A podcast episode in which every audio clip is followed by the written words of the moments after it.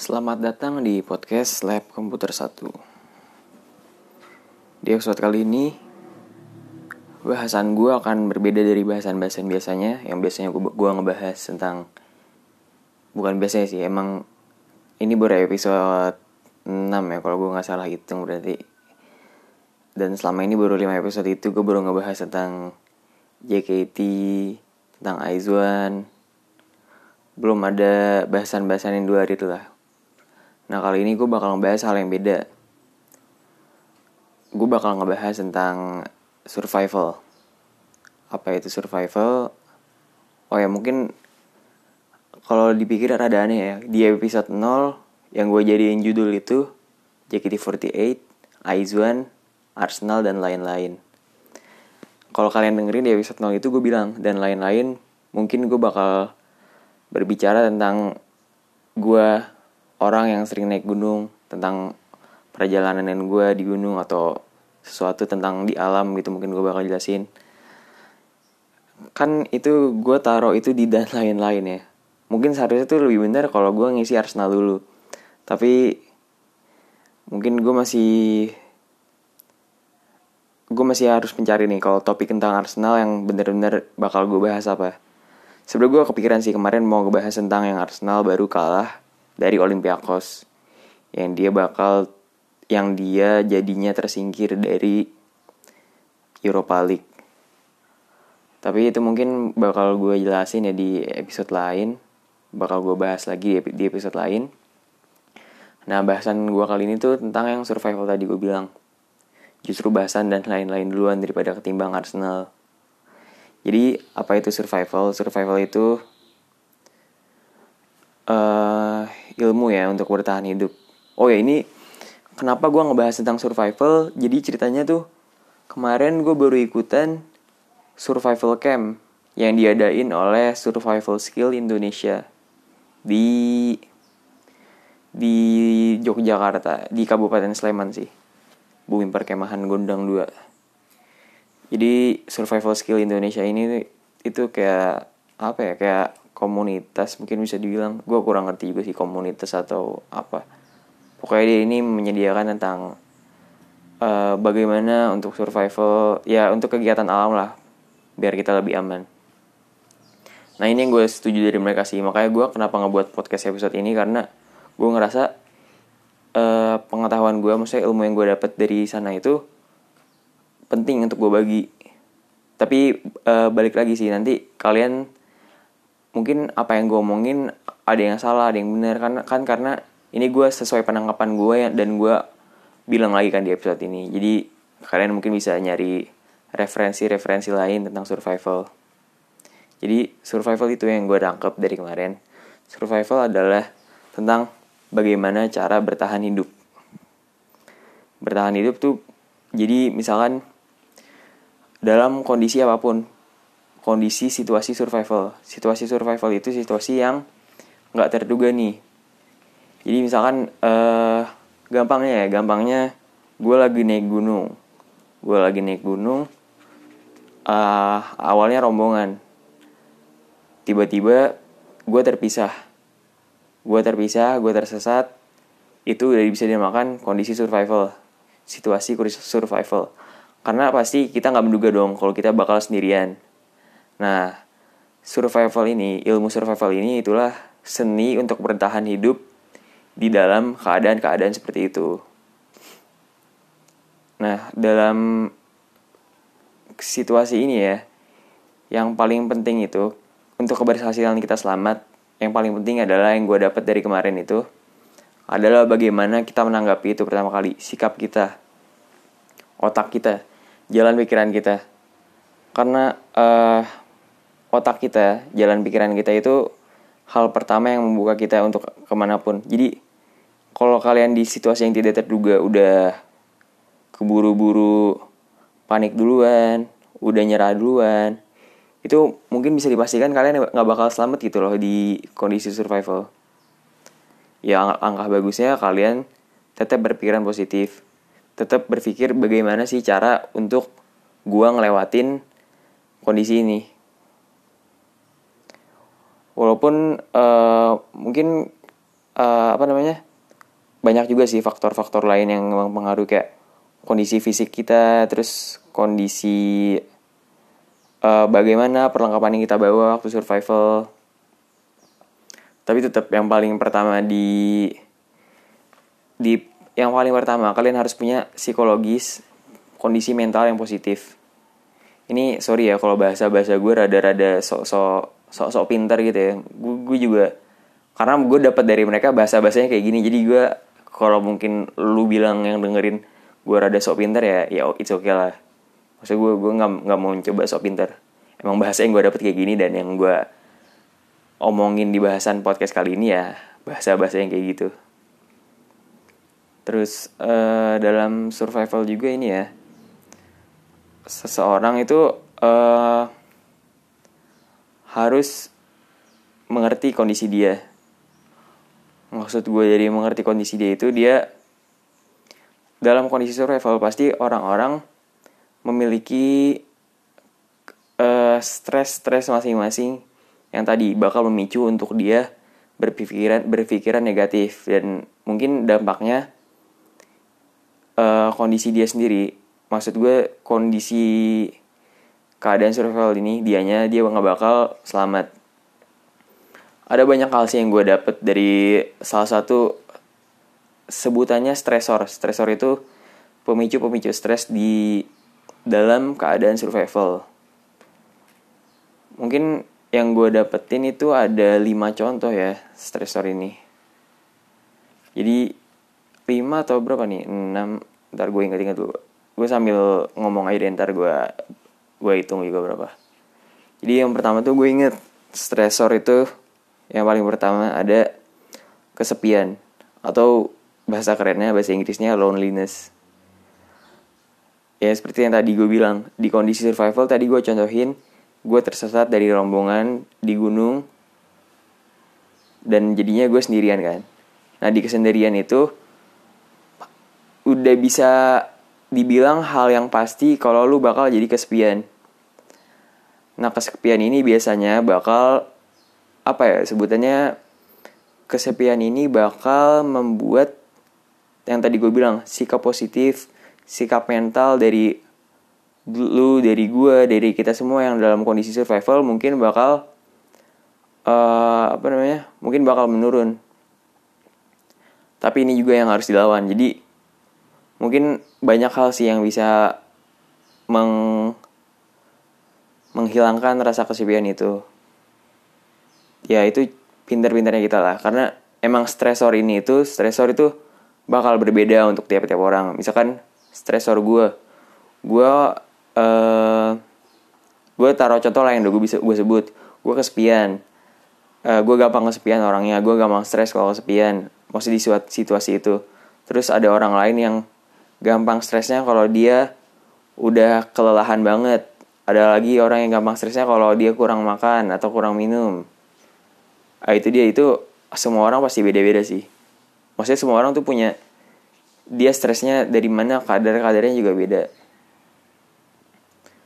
Tapi yang paling penting itu kalian kalau kesepian ya harus tetap ngejaga sikap mental tetap baik tetap positif. Terus ada lagi yang gue dapat tadi gue bilang kelelahan. Bahasa Inggrisnya fatigue fatigue. Gue nggak tahu sih cara bacanya. Gue nggak jago bahasa Inggris. Fatigue apa fatigue? Pokoknya F A T I G U E. Nah, itu dia. Kelelahan. Bukan hal yang nggak mungkin ya. Jadi kalau dalam kondisi survival emang bukan hal yang nggak mungkin. Kalian bakal kelelahan. Kelelahan berlebihan ini uh, yang awalnya mungkin badan kalian kelelahan kalau udah berlebihan mungkin itu bakal lanjut ke otak kalian ke pikiran kalian bukan hal yang nggak mungkin uh, atau mungkin bahkan sebaliknya kalau otak kalian udah udah kelelahan duluan, udah bingung duluan. Bukan hal yang gak mungkin kalau badan kalian bakal ikutan kelelahan.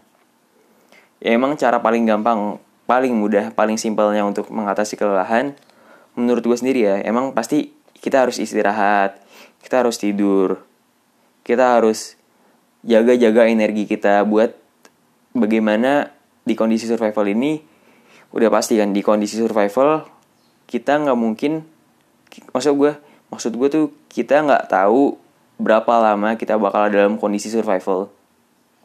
Bisa de- bisa jadi cuma berapa jam bisa jadi satu hari bisa jadi tiga hari bisa jadi satu minggu atau satu bulan atau atau berapa lama pun kita nggak tahu loh. Kita tetap berpikiran yang penting bagaimana cara hidup di besok bagaimana cara hidup di berapa jam lagi bagaimana cara hidup di besok. Itu yang terpenting sih. Jangan terlalu berpikiran terlalu jauh. Misalkan eh oh ya nanti gue cari tahu dulu deh cara hidup satu minggu nih. Jangan dipatokin gitu loh. Karena kalau lu udah patokin cara hidup di satu minggu berarti lu udah nyiapin harapan di satu minggu itu gue bakal diselamatin sama orang kan kecuali di satu minggu itu lu udah punya rencana udah punya rencana yang kayak oh nanti gue udah jelas lah gitu. Gue harus ke sini ke sini ke sini nanti di situ bakal ada rumah warga. Itu nggak apa sih kalau udah kayak gitu. Itu namanya lu udah punya planning. Cuma kalau lu masih nggak tahu ya baiknya di lu jaga-jaga energi lu lah biar nggak lu kelelahan. Dan nggak membuat pikiran lu down terus badan lu down juga. Karena itu mungkin bakal membuat ya itu kondisi survival lu lu bakal kalah lu bakal nggak selamat dari kondisi survival. Ada lagi yang ketiga itu cold and heat hawa dingin dan panas. Gue masuk ke contoh yang gue bilang di awal juga ya. Misalkan gue tersesat di gunung. Itu di gunung hawa dingin dan hawa panas itu bukan bukan hal yang nggak mungkin. Justru hawa dingin dan hawa panas itu hal yang pasti kita temuin. Di gunung pasti banget kita temuin. Kalau misalkan nggak ada naungan saat terik terlalu terik terus kalau udah malam dingin yang terlalu dingin karena hawa-hawa di gunung cuaca di gunung tuh lumayan ekstrim juga sih kalau menurut gue nah ini yang paling penting kalau lu udah di kondisi ini nih kondisi survival terus ada hawa dingin hawa panas cuacanya kayak gimana. Yang paling penting tuh lu harus harus segera nyari tempat tempat berlindung tempat lindung lah. Contoh-contohnya banyak bisa kayak bivak. Nah bivak itu juga contohnya banyak bisa kayak bivak alami seperti gua atau tebing yang agak bisa tempat kita bernaung atau bisa di bawah pohon atau yang uh, agak-agak bukan alami semi semi alami mungkin sebutannya dari gue gue gue kurang tahu sebutannya seperti apa. Jadi semi alami yang maksud gue bilang itu mungkin kalian bisa bikin sendiri bivak dari daun-daunan yang kalian temu ranting-ranting atau dari pohon-pohon. Maksud gue uh, bukan pohon-pohon sih kayak batang-batang pohon. Nanti kalian taruh daun-daunan lagi itu bisa itu kok bisa kalian buat jadi bivak. Yang gue tadi sebutnya mungkin semi alami ya karena dibilang alami kan kita tetap ngebuat juga. Dibilang buatan bahan-bahannya tetap dari alam-alam juga daun ranting gitu gitu terus ada lagi bivak buatan. Bivak buatan itu yang paling gampangnya biasa yang paling umumnya bukan paling gampang sih. Paling umumnya pasti kalian nggak pasti maksud gue kalau kalian sering pernah lah pernah naik gunung.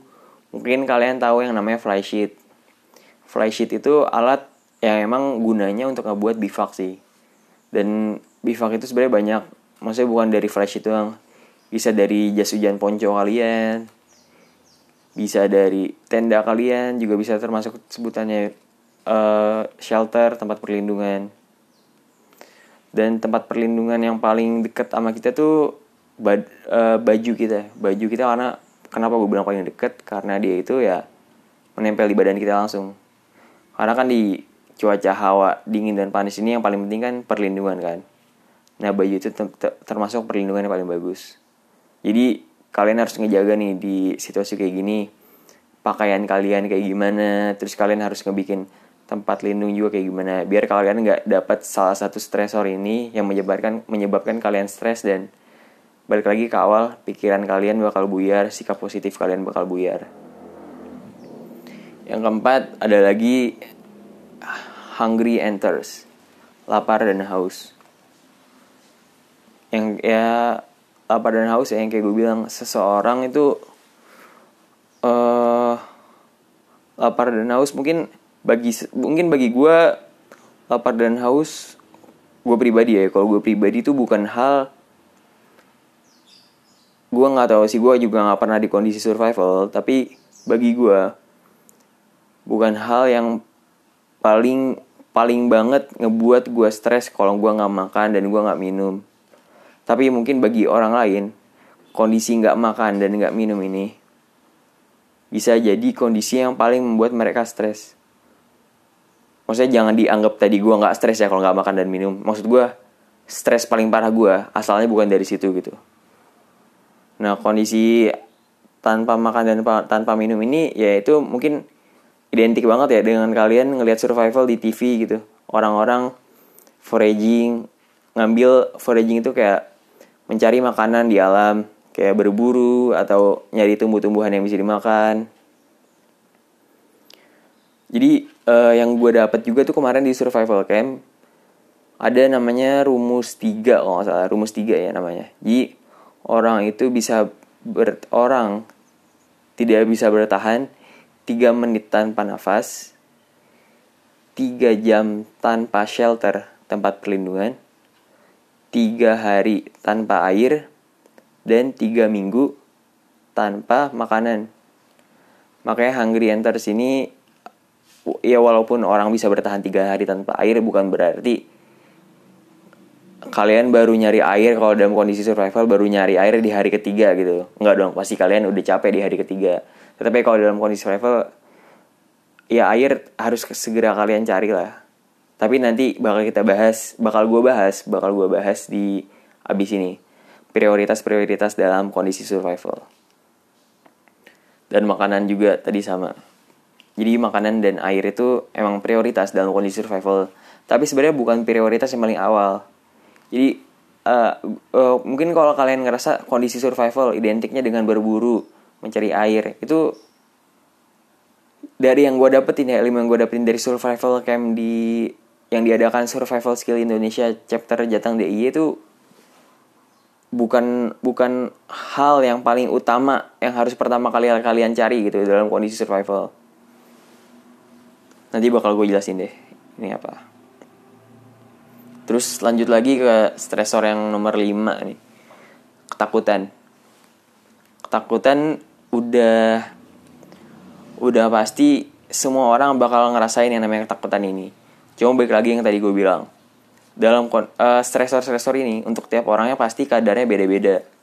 Misalkan gue takut tapi gue nggak sebanyak takutnya dari uh, orang lain gitu. Itu gue bilang. Jadi si ketakutan ini merupakan uh, rasa takut kayak gue bakal selamat gak sih di kondisi ini? Uh, nanti bakal ada hewan-hewan buas gak sih yang bakal nemuin gue nah ketakutan ini pengaruhnya balik lagi ke awal kondisi bagaimana sikap positif mental kalian. Bagusnya kalau ketakutan ini ya emang gimana harus menerima keadaan sih kalau menurut gue ketakutan cara cara menanggulanginya ya kalian harus menerima keadaan bahwa kondisi kalian memang seperti ini. Yang paling benar bukan takut dengan kondisi itu, tapi bagaimana cara melewati kondisi itu. Lanjut lagi ya ke stresor yang selanjutnya. Oh ya, stresor tuh ya tadi gue disebut ya, pemicu stres. Ya, stresor. Terus lanjut lagi ke stresor yang terakhir. 6. Panik. Panik. Jadi panik itu dalam situasi survival itu adalah hal yang paling bukan paling paling bukan paling sebutnya sebutannya itu hal yang berbahaya berbahaya banget karena kalau orang panik kalian pasti dong pasti tahu dong kalau orang panik itu dia bakal cenderung geragas kalau bahasa gue geragas eh mungkin geragas bahasa mana ya gerasa kerusuk gitu bahasa gue apa ya uh, dia bakal cenderung ceroboh gitu dalam mengambil tindakan. Jadi misalkan uh, di depan dia nemu burung misalkan. Oh bukan nemu hewan lah yang mungkin bisa dimakan bisa dia tangkap langsung. Tapi sementara dia nggak ngeliat di belakangnya juga ada hewan buas yang lagi ngincar tuh hewan yang bisa yang mau dia makan. Nah itu mungkin kondisi panik ini bakal udah bakal menjadikan orang cenderung ceroboh sih. Ceroboh dalam mengambil tindakan. Ya untuk kepanikan tadi mungkin agak sama ya kayak ketakutan. Kalian harus menerima kalian harus menerima kondisi itu dan kalian harus ngebuat bagaimana cara gue ngelewatin kondisi ini. Itulah pikiran yang paling kalian penting. Bagaimana sikap positif kalian dalam keadaan itu? Terus lanjut lagi ya. Tadi tadi gue banyak bilang kalau kalian harus diam kalian harus mikir kalau kalian emang udah di kondisi itu bukan pasrah dengan kondisi itu tapi bagaimana cara melewatinya. Nah sebutannya dalam survival itu yang gue dapat kemarin di survival camp mereka sering menyebut namanya stop Stop itu merupakan singkatan ya, singkatan dari S, sit atau duduk, T, think, berpikir, O, observe, observasi, dan P, plan. Yaitu merencanakan. Jadi stop ini uh, merupakan kunci yang penting ya. Jadi kalau kalian dalam kondisi survival, alangkah bagus ya. Kalian jangan nanti langsung melakukan sesuatu yang yang akhirnya bakal menjadikan kondisi kalian lebih parah lagi. Ini prinsip stop ini sangat penting sih karena kalian harus berpikir bagaimana cara melewati ini. Itu sebenarnya stop ini baik bukan untuk ke dalam kondisi survival doang sih. Dalam kegiatan sehari-hari kita, misalkan mengambil keputusan gitu dalam rapat atau atau gue mengambil keputusan untuk membuat podcast ini.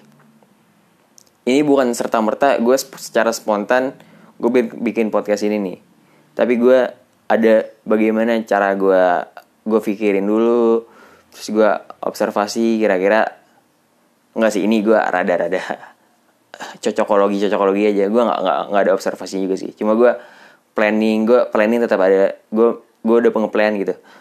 Oh abis gue ngikut survival camp gue coba ngebuat tentang podcast survival. Karena menurut gue gue ngebuat podcast ini kan pertamanya untuk diri gue juga dulu kan baru buat pendengar. Jadi ya gue mungkin bakal masukin bahasan-bahasan yang mungkin kalian gak bakal denger tapi tetap gue masukin buat kesenangan gue pribadi sih ini. Jadi bahasan ini gue nggak terlalu ngincar pendengar yang banyak emang cuma buat kesenangan gue pribadi aja. Dan mungkin kalau di saat gue udah lupa ya dengan materi-materi survival ini bisa gue dengerin lagi tuh gue ngomong sendiri tentang survival lanjut ya setelah stop itu jadi uh, yang tadi gue bilang yang namanya sikap mental positif itu merupakan hal yang paling penting dalam keadaan survival. Jangan sampai stresor-stresor tadi membuat sikap positif kalian dalam menghadapi kondisi survival terganggu. Itu yang paling penting jangan pernah jangan pernah nyerah. Tetap dipikir saya harus hidup besok saya harus hidup besok. Gimana caranya ngelewatin kondisi ini? Jangan lupa tetap tenang. Kondisi mental harus tetap stabil. Ngebuat keputusan yang benar. Jangan lupa stop tadi. Sit think observe and prepare. Terus segera segera bersiap-siap kalau dalam kondisi yang lebih parah lagi. Karena bukan gak mungkin kondisi yang kalian dapetin sekarang yang ngerasa udah parah banget itu bakal lebih parah lagi. Terus uh, eh, gue bakal jelasin tentang yang namanya prioritas prioritas dalam survival. Jadi yang gue dapet ini di Survival Skills Indonesia ngebuat acara namanya Survival Camp tadi chapter Jateng DIY yang gue dapetin itu prioritas dalam survival itu ada tujuh. Ini urutan ya. Kalau tadi stressor itu bukan urutan. Stressor itu cuma uh, pemicu-pemicu stres dan kadarnya tiap orang beda-beda. Nah ini gue jelasin secara urut nih. Prioritas prioritas dalam survival. Jadi bagaimana kalian kalau dalam kondisi survival apa sih yang pertama kali harus kalian lakukan? Dan apa yang harus diprioritasin lebih dulu daripada ketimbang hal lain? Nah yang pertama harus kalian prioritasin itu yang tadi Yang paling pertama otak kalian, pikiran kalian. Bagaimana cara berpikir cara berpikir positif tentang keadaan yang dihadapi. Sikap mental positif. Positif mental attitude. Dengan ini kalian bakal uh, nggak bakal terburu-buru gitu kalau dalam membuat tindakan nggak bakal ber, bertindak secara sembrono secara ceroboh. Kalian bakal berpikir bagaimana cara bertahan hidup. Yang paling penting emang ini sih otak kalian dulu. Karena kalau otak kalian udah buyar udah salah pikirannya udah negatif duluan pikirannya itu tadi kalian nggak bakal terselamatkan. Atau otak kalian udah mikirnya oh, udah nunggu aja nunggu aja diselamatin nih. Itu juga salah maksudnya kalian bakal mungkin berpikir yang uh, ngegampangin gitu. Itu ada lagi sebenarnya. Jadi kalau itu mungkin kalau kalian nunggu diselamatin bisa dibilang optimis yang rada bodoh ya. Nah itu ada sudah ceritanya namanya Stockdale paradox. Cuma gue rada mm, nggak mm, males juga sih jelasinnya. Jadi kalian cari aja namanya Stockdale paradox. Itu tentang paradoks bahwa sebenarnya dalam kondisi survival orang dengan optimistis yang bodoh mungkin dia yang bakal pertama kali mati kalau kata Stockdale. Sepenangkapan gue gitu sih. Jadi ya kalian cari sendiri ya Stockdale Paradox. Terus yang kedua dari prioritas survival. Setelah sikap mental positif kalian udah kalian jaga bagaimana cara berpikir positif di kondisi survival? Yang paling pertama kalian harus jaga itu adalah maksudnya yang kedua setelah sikap mental positif sorry sorry yang kedua prioritas kalian adalah pertolongan pertama first aid. Uh, pertolongan pertama ini kenapa jadi prioritas nomor dua ya setelah otak kalian udah berpikir dengan benar? Karena pertolongan pertama seperti kalau kalian dalam kondisi survival kalian uh, eh, gue contoh lah tadi gue tersesat di gunung dan gue nggak sengaja jatuh tangan gue ketusuk duri. Tangan gue berdarah. Itu prioritas yang harus gue lakuin setelah gue udah berpikir positif. Karena uh, misalkan tangan gue ketusuk darah eh ketusuk duri gue berdarah. Kalau nggak di nggak segera nggak segera gue kasih pertolongan pertama mungkin itu bakal jadi lebih parah lagi. Mungkin tangan gue bakal infeksi mungkin malamnya gue demam paginya gue udah nggak ada kan itulah kenapa pertolongan pertama ini bakal jadi prioritas setelah bagaimana kalian berpikir positif. Lalu yang ketiga, yang ketiga prioritas nomor tiga dalam kondisi survival adalah perlindungan atau shelter. Yang tadi gue bilang gue disebut gue sempat sebutin yang rumus tiga itu loh. Jadi orang tiga jam orang cuma bisa bertahan tiga jam tanpa shelter di kondisi cuaca yang ekstrim. Itulah kenapa ini prioritas nomor tiga sih. Kondisinya itu jadi misalkan dingin dingin terlalu dingin panas yang terlalu panas kalau kalian nggak nggak bertahan nggak bisa nyari perlindungan mungkin dalam tiga jam kalian bakal ya bakal lewat itu bakal udah nggak ada lagi bakal tinggal nama bagusnya kalau kalian tadi gue bilang kan shelter paling deket dengan kita ya itu pakaian-pakaian kita. Nah, bagusnya pakaian kalian kalian jaga. Terus kalian juga ngebikin shelter-shelter yang yang bagus, misalkan pakai bivak atau tadi nggak nggak bisa bikin, kalian nemuin tempat berlindung seperti gua contohnya. Itulah. Pokoknya kalian hindarin pakaian kalian misalkan basah uh, hindarin di dikeringin lagi. Karena kondisi basah itu bakal membuat uh, ya lebih parah lagi lah. Maksudnya nggak nggak bakal berfungsi jadi tempat berlindung lagi kalau pakaian basah. Malah mungkin oh, kalau kondisi dingin jadi bakal lebih dingin gitu loh, maksud gue lanjut uh, nomor 4 prioritas nomor 4 itu api. Nah api ini dalam kondisi survival ada ada hubungannya lagi sih sama prioritas nomor tiga yang tadi shelter. Tadi dalam misalkan kondisi panas yang eh, dingin yang terlalu dingin api ini pasti bakal berguna banget untuk kalian menghangatkan tubuh kalian. Terus selain meng meng menghangatkan tubuh kalian dalam kondisi survival juga tadi gue bilang stresor uh, kalian bakal mungkin bakal terkena kesepian kepanikan ketakutan nah api ini mempunyai fungsi itu juga bakal memberikan kalian semangat lagi untuk berpikir positif. Api ini bisa menjadi teman gitu kalau kalian sendirian.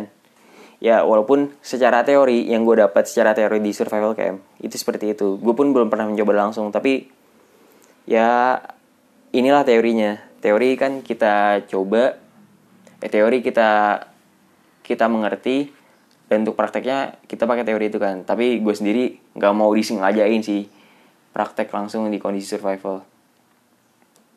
Ya itu. Jadi api banyak sih cara ngebikin api. Bisa kalau kalian sering lihat yang orang pakai batang kayu terus tangannya di apa pokoknya kayu ini ngegosokin kayu lagi itu bisa itu nama tekniknya hand drill.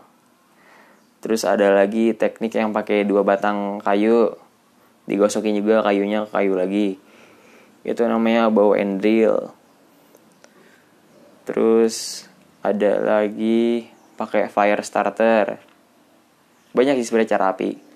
Jadi api ini uh, api harus terjadi dengan tiga hal yaitu udara atau oksigen terus bahan bakar sama sumber panas atau sumber api jadi prinsipnya gampang sih kalian harus punya ketiga itu dan jikalau ada salah satu dari tiga itu, tidak ada salah satu dari tiga itu, pasti api itu nggak bakal hidup, api itu bakal mati. Itu sih yang ya ini jadi prinsip buat madamin kebakaran juga sih. Jadi untuk madamin kebakaran, ambil aja salah satu dari tiga itu, entah bahan bakarnya, entah udara kalau kalian bisa tahan, entah apa namanya sumber panasnya. Tapi emang mungkin bakal panik sih kalau dalam kondisi kebakaran. Cuma balik lagi ini gue nggak nggak nggak bukan itu yang pengen gue bahas. Gue bahas tentang cara bikin apinya. Terus yang ke prioritas nomor 5 signaling atau pemberian tanda pemberian tanda ini uh, gunanya untuk bagaimana kalian bakal diselamatkan oleh orang. Pemberian tanda bagi orang lain bahwa diri Anda sedang tersesat, sedang dalam kondisi survival. Kondisi yang tidak terduga. Cara pemberiannya ini bisa banyak sih. Jadi setelah kalian udah prioritas kalian udah udah kalian yang sebelum-sebelumnya udah udah tercover nih yaitu sekarang kalian harus signaling. Banyak caranya signaling. Bisa pakai peluit bisa pakai api juga tadi bisa pakai asap. Uh, gampangnya sih kalau untuk pakai peluit ya kalian bisa pakai jadi tiupannya itu tiga tiupan pendek. Tiga tiupan panjang. Dan tiga tiupan pendek lagi. Itu merupakan uh, kode Morse untuk SOS save our soul. Sih setahu gue ya. Setahu gue itu sih save our soul. Ya sorry nih kalau salah. Correct me if I'm wrong. Cemiu ya itu. Terus lain pakai fluid. Tadi gue bilang kalian bisa pakai api juga. Jadi pakai api ini kemarin gue diajarin bahwa kalian bisa bikin tiga api dengan jarak masing-masing sekitar 4 meter, empat setengah meter kalau nggak salah tuh di tanah yang lapang. Jadi gunanya kenapa bikin api di tanah lapang ini biar pilot-pilot bisa uh, ngelihat ada orang yang butuh pertolongan, pilot helikopter, pilot pesawat. Tapi nih ya gue nggak pernah belum pernah cross check langsung sih ke pilot. Sebenarnya emang kayak gini diajarin gak sih? Cuma yang gue dapat ilmu yang gue dapat dari survival camp ya kayak gini caranya. Terus pakai asap juga pakai asap ya sama kayak tadi pakai api juga buat aja yang kayak tadi jarak empat setengah meter empat setengah meter terus oh ya bukan berarti kalau kalian udah bikin signaling gini kalian tinggal nunggu doang. Kalian tetap harus mikirin bagaimana cara keluar dalam dari keadaan survival ini. Terus caranya tadi yang gue kelewatan misalkan yang paling gampang sih ini menurut gue paling gampang. Kalian cari tanah lapang kalian cari batu atau cari dahan pohon batang pohon ranting pohon sesuatu lah yang bakal bisa ngebuat tulisan SOS di tanah lapang itu. Ya gunanya untuk tadi pemberian tanda bagi pilot yang lewat, terus bagi pilot ya pilot pesawat, pilot helikopter yang sedang lewat bahwa kalian butuh yang namanya pertolongan. Terus lanjut ya, itu baru 5. Baru 5 prioritas survival. Kita lanjut ke yang nomor 6. Yang nomor 6 baru masuk ke air itu tadi gue bilang kan. Sebenarnya walaupun mungkin kalian identik survival itu mencari air mencari makan. Sebenarnya air itu masuk prioritas nomor 6 karena tadi lagi sebenarnya secara teori kita bisa bertahan hidup 3 jam kan tanpa air. Tapi bukan berarti kalian harus nunggu tiga hari baru nyari air itu tapi kalian bisa bertahan sebanyak selama itu secara teori. Dan mungkin di setiap orang bakal berbeda-beda. Yang penting sih uh, sikap positif kalian tetap kalian jaga gitu. Kalau memang air kalian terbatas nggak kalian nggak nemu sumber air juga ya berarti kalian harus hemat-hemat. Minum airnya. Terus cara nyari air juga sebenarnya ada banyak cara ya yang kemarin gue diajarin. Bisa dari transpirasi. Transpirasi itu uh, apa ya pokoknya gue nggak nggak nggak nggak ngerti juga sih uh, jadi itu transpirasi karena ini gue di podcast ya jelasinnya cuma ya lewat omongan doang jadi gue nggak nggak nggak bisa ngasih tahu secara benernya gitu. Kalian bikin bolongan di tanah yang rada gede pakai plastik ditutupin terus nunggu deh tanah itu apa tanah itu tadi di, diisi daun-daunan terus nungguin transpirasi dari daun-daun tersebut. Daun-daun itu bakal menguap ngasih air ke plastik yang udah kita taruh. Dan plastik itu nanti jadi tengah-tengahnya kalian kasih batu dan bawahnya kasih baskom. Jadi kan tetesannya bakal terkumpul kan di satu titik itu. Ya mungkin dengerin omongan gue rada bingung juga sih kalau kan nggak pernah lihat secara langsung atau nyari-nyari secara langsung. Terus selain transpirasi yang di tanah tadi ada transpirasi yang langsung di pohon. Kalau ini lebih gampang mungkin gue nyampainya juga lebih simple caranya cuma ngikat plastik yang rada besar di dalam daun. Yang penting kalian pastiin daun itu terkena matahari dan kondisi daun itu turun ke bawah. Alasannya terkena matahari karena hasil dari fotosintesis kan. Hasilnya tuh salah satunya uap air nah itu yang pengen kita cari dan kondisi daunnya ke bawah karena biar kalau daunnya ke atas nanti air yang udah kalian ikat di di dahan itu mungkin bakal turun. Itu sih cara nyari air. Banyak juga kemarin gue kayak dari pohon pisang itu kayak kalau nggak salah paling banyak airnya. Terus gue juga dijelasin uh, cara ngejernihin air pakai betadin jadi takarannya satu untuk satu liter air uh, dipakai 2 sampai empat tetes betadin tapi itu untuk air yang jernih sih karena mereka. Kalau air yang rada butek mungkin takarannya bisa tambahin bisa sampai 6 atau iya 6 lah 6, 6 tetes betadine tapi balik lagi ya ini kan di kondisi survival jadi ya kondisi mau nggak mau gitu. Bukan berarti di kehidupan kalian yang aman-aman aja kalian tetap harus pakai kayak gini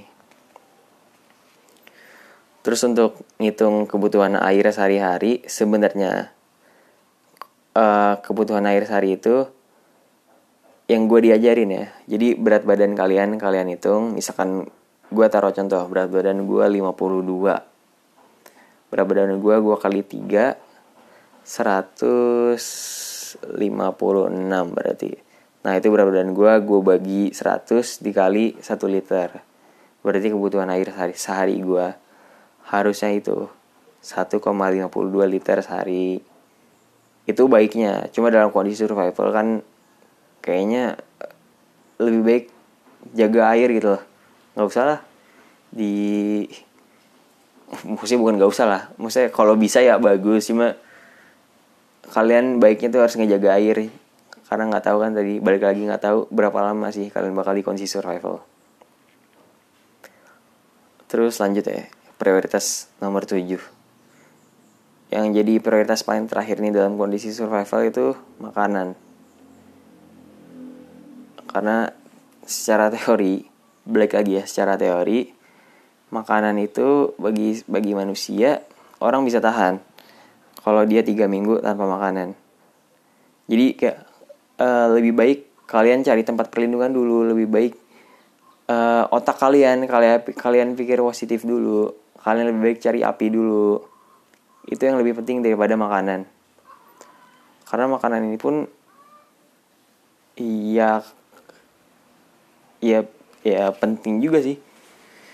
Cuma masuk prioritas terakhir terakhir karena sebenarnya tubuh kita itu punya cadangan energi kan. Dan itu bisa dipakai gitu loh. Tapi tiap orangnya bakal beda-beda dan mungkin kalau kalian beristirahat dan bener ya cadangan energi itu nggak nggak bakal secepat itu kepake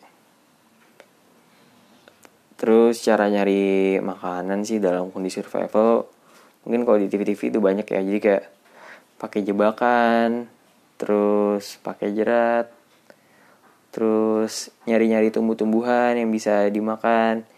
Jadi ini prinsipnya kalau nyari tumbuhan itu kalian jangan nyari yang berbulu, jangan nyari yang bergetah, sama jangan nyari yang warnanya mencolok. Karena secara umum itu yang bakal beracun bagi tubuh kalian. Itu sih yang gue dapat dari survival plan kemarin. Tapi sebenarnya kemarin tuh teorinya banyak loh cara nyari makanan di alam. Maksudnya yang tumbuh-tumbuhan ya karena lebih gampang cari cuma gue nggak kemarin tuh nggak mudeng-mudeng banget gitu sama cara nyari makanan ini.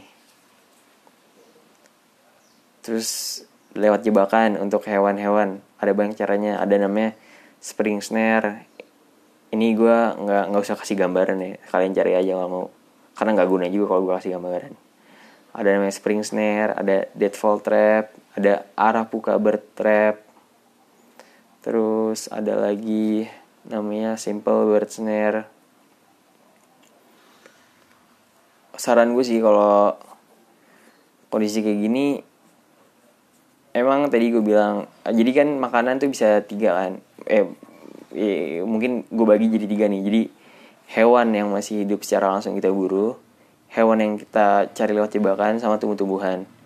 Mungkin paling gampangnya emang tumbuhan sih. Karena tumbuhan kan diem gitu ya. Kita ambil ya dia nggak bisa ngapa-ngapain. Terus kalau misalkan pakai jebakan kita harus cara nunggu gitu loh.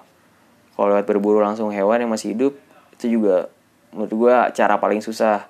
Karena kalau kalian nggak pinter-pinter banget itu bakal membuat kalian kelelahan. Jadi mungkin cara kalau kalian udah udah semua prioritas terpenuhi dan kalian kondisinya lapar lap, lapar banget paling benar mungkin cari tumbuhan sih tumbuhan yang bisa dimakan. Kalau lewat pikiran gue gitu sih yang cara paling enaknya. Terus mungkin uh, apa ya mungkin udah sih bahasan gue itu aja di episode kali ini. Jadi yang gue tangkap sih sebenarnya survival ini bisa jadi uh, prinsip-prinsipnya ya. Prinsip-prinsipnya tuh bukan bukan dalam keadaan survival doang gitu loh.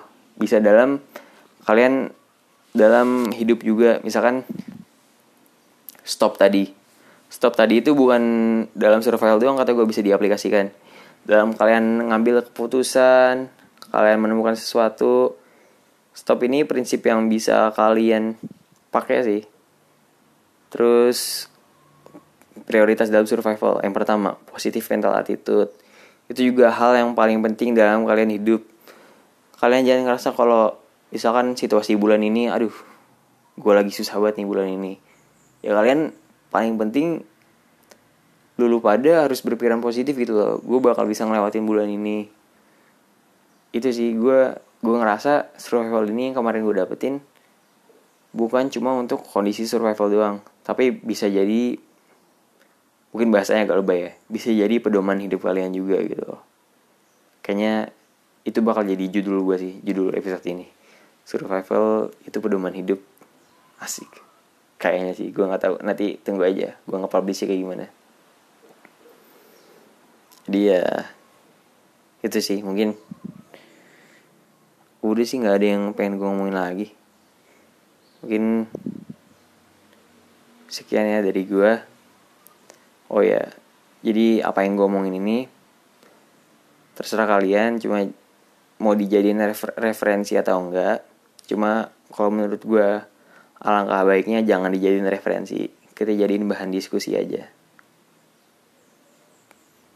Jadi diskusi lewat DM gitu yang biasa gue bilangin langsung DM aja DM gue terbuka kok lab komputer satu. Kalian bebas mau nge DM apa aja. Cuma paling pilihannya kalau gue nggak kira-kira gue nggak nggak nggak nggak apa ya nggak nggak nggak mau ngejawab ya gue nggak bakal ngejawab sih. Emang kalau gue bakal ngejawab ya gue ngejawab. Mungkin itu ya sekian dari gue dadah sampai jumpa di episode selanjutnya